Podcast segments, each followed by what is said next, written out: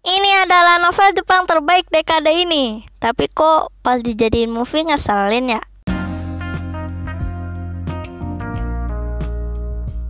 Assalamualaikum warahmatullahi wabarakatuh Halo para pendengar, selamat datang lagi bersama saya MC yang paling kalian cintai Haura 8D dan selamat datang di acara ini Acara yang akan membahas review buku, pola hidup sehat, makanan bergizi, dan beberapa tema yang telah ditugaskan oleh SMP DTBS Putri sebagai salah satu kegiatan PJJ kali ini jadi, eh, sorry. Aku akan mereview buku dan judulnya aku lupa lagi.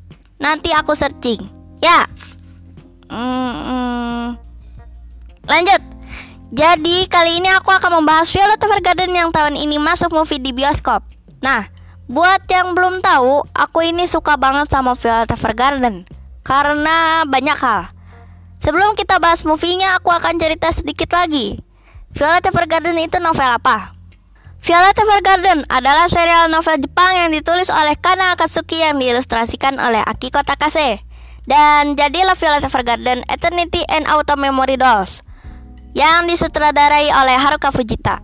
Dan penulis naskahnya adalah Kana Akatsuki, Akiko Yoshida, Takaaki Yoshida, dan Tatsuhiko Urahata.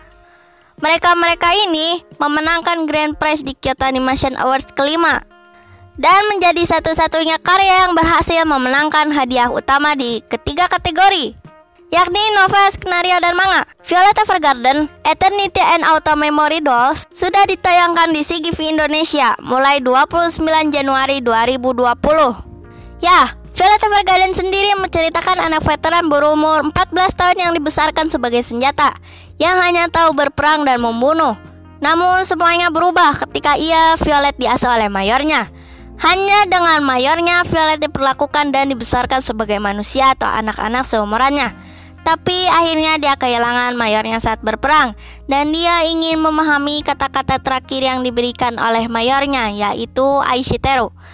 Violet yang gak ngerti apa-apa soal cinta dan hidup normal Berusaha keras untuk memahami makna kata cinta yang diberikan mayornya. Dengan cara menjadi boneka mayor otomatis yang tugasnya menuliskan surat orang lain. Nah, dari tiap ketemu orang-orang ini, Violet seperti mempelajari arti baru untuk hidup sebagai manusia biasa. Dari kata-kata terakhir mayornya Aishiteru. Nah, sekarang kita bahas movie-nya. Di movie ini, Violet masih seperti Violet yang biasanya. Dia sudah bisa menulis surat dan memahami perasaan orang lain. Sinopsisnya, Violet bertugas untuk melatih putri bangsawan yang bermasalah yang bernama Isabella York agar bisa menjadi orang yang sopan dan memiliki tata krama layaknya seorang bangsawan. Meskipun bermasalah, Violet bisa mengubah bangsawan ini jadi orang yang lebih baik dan mengubah kehidupan bangsawan itu. Di sini Violet yang nggak pernah paham makna dari pertemanan akhirnya paham dengan konsep pertemanan setelah bertemu dengan putri tersebut. Aku akan hati-hati mereviewnya agar nggak terlalu spoiler. Jadi, pertama, kita akan bahas visualnya. Visual di movie ini bagus banget, khas Kyoto Animation banget. Karakternya dibuat kawaii. Kawaii di sini bukan dalam artian kawaii ala-ala Lalita, tapi kawaii di sini maksudnya karakter yang kelihatan cakep dan elegan atau singkatnya cantik. Setiap gerakan cahaya di matanya sama di rambutnya itu diperhatikan banget sama tim produksinya. Pewarnaannya halus, gak ngejreng banget, gak ngerusak mata.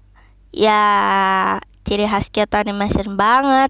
Pewarnaannya tuh mirip banget sama hmm, Kue no Katachi. Kalian para wibu Nora yang mau bilang masih bagus grafik Jojo atau Kimetsu no Yaiba, mending kalian diem terus merenung dan gak usah main internet lagi. Mending kalian istirahat. Mungkin otak kalian itu udah kecaperan buat mikir. Jadi, diem. Grafik di sini bagus, kebanyakan kebantu sama desain karakter dan pewarnaan yang khas Kyoto Animation. Lagi pula, kalian gak bisa asal bandingkan Kimetsu no Yaiba atau Jojo sama Violet Evergarden movie karena ya nggak nyambung, beda genre juga. Selanjutnya, Violet Evergarden ini mengambil latar belakang di abad pertengahan pasca perang. Itu kerasa zaman-zaman perkembangan teknologi dari musik dan arsitektur latar belakang movie. Yang terakhir aku akan bahas ceritanya. Kalian bisa skip ke menit sekian kalau nggak mau kena spoiler. Ayo kita hitung. 2, 4, 6. Oke lanjut. Selanjutnya kita bahas cerita. Cerita di movie ini dibagi menjadi dua dari dua perspektif. Kalian, sekali lagi ya, yang nggak mau kena spoiler silakan lanjut ke kesimpulan. Jangan stop di sini. Lanjut sama skip. Untuk di 15 menit awal, cerita ini biasa aja untuk buat ceritanya. Kerasa cepet dan nggak begitu efektif. Bagaimana sih Isabella menceritakan masa lalunya sebagai Amy itu cepet banget. Kalau aku sendiri ngerasa kalau aku bisa tersambung atau relate dengan ceritanya. Tapi aku pikir orang lain belum tentu nyangkut sama ceritanya. Ya adegan cerita masa lalunya bagus, tapi kecepatan doang. Butuh waktu buat ngerasa relate dengan cerita Isabella. Tapi bagaimanapun aku tetap aja nyesek. Tapi bukan nyesek nangis sampai nangis tersedak atau kenceng banget. Hanya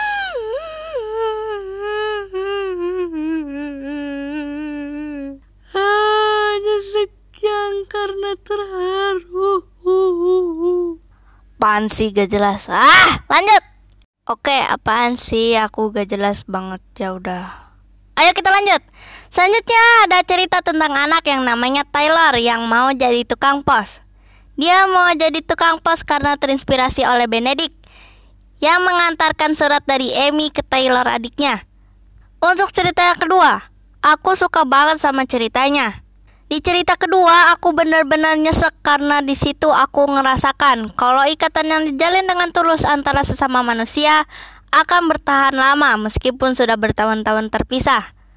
Ya, karena rumus tim produksi menghasilkan air mata penonton itu gini. Dialog plus musik plus gambar sama dengan air mata. Dan aku tak bosan-bosan dengan rumus ini. Gitu-gitu aja. Jadi aku tetap aja nangis. Sekali lagi, movie-nya mengajak kita untuk belajar berempati dari karakter Taylor dan Amy. Yang kurang cuman fasenya, yang sekali lagi terlalu cepat.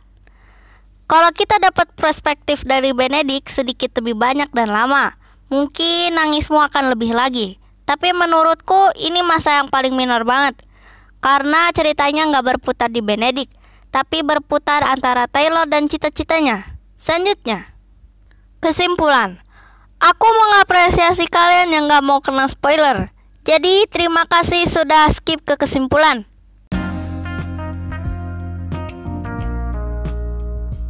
Oh iya, movie ini cocok banget buat kalian nonton bareng keluarga dan teman-teman karena gak ada unsur ecchi atau fan service yang aneh-aneh. Loh, kok kamu tahu? Kamu hmm, gak lah ya. Aku cuma ngasih tahu doang. Oke, lanjut.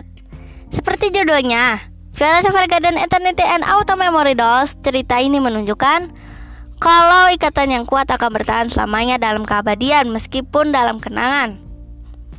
Jadi kesimpulannya juga adalah seperti kondisi saat ini.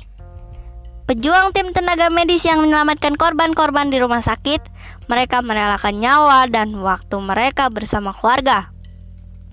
Ada juga yang merelakan harus bekerja di luar di tengah rawannya virus COVID-19 ini. Di saat orang-orang lain bisa bekerja dari rumah, serta para pasien corona di rumah sakit. Mereka bertanya-tanya, Apakah mereka bisa kembali hidup dengan sehat seperti sedia kala? Apakah mereka masih bisa bekerja dan bersenang-senang seperti dahulu kala? Kalian semua yang merasakan tadi untuk tidak berlarut-larut dari kesedihan dari musibah internasional ini. Percayalah, keluarga korban musibah ini yang telah menjadi bagian takdir Tuhan dan bagi keluarga yang sudah kehilangan, percayalah semua makhluk hidup akan kembali ke penciptanya Dan kita yang masih hidup ditakdirkan untuk berjuang di dunia Jangan main-main dengan musibah ini Dan jangan Anggap semua ini adalah drama yang pantas untuk menjadi lelucon Yang hanya bisa ditertawakan jadi kalian kalau nggak bisa jadi pejuang yang berada di garis depan, mending kalian membantu mereka-mereka ini dengan seperti yang mereka sarankan. Gampang, Cuma diem di rumah, stay in home. Dan kita saudara senabi Adam, percayalah, selama memiliki ikatan iman, kita yang terpisah di dunia pasti dipertemukan lagi di pertemuan yang abadi. Tak mengenal perpisahan dan tak ada lagi yang namanya kesulitan. Oke, baiklah. Oh iya, yang namanya kesehatan itu penting sekali. Penting sekali para pendengar. Baik sehat badan atau pikiran. Kita perlu sehat buat beraktivitas secara maksimal. Dengan makan makanan yang sehat dan bergizi. Jangan makan yang aneh-aneh. Istirahat yang cukup. Dan sebaliknya jika kalian sakit, pikiran kalian akan macet. Dan kalian akan sering sakit.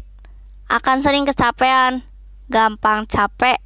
Nah, buat kalian yang lagi sakit, aku doain supaya cepetan sembuh. Oke, baiklah. Terima kasih banyak buat para pendengar. Kita udahan ya. Dan jangan lupa buat kalian yang tahu IG aku, boleh sapa aku ya. Waalaikumsalam. Eh, wassalamualaikum warahmatullahi wabarakatuh.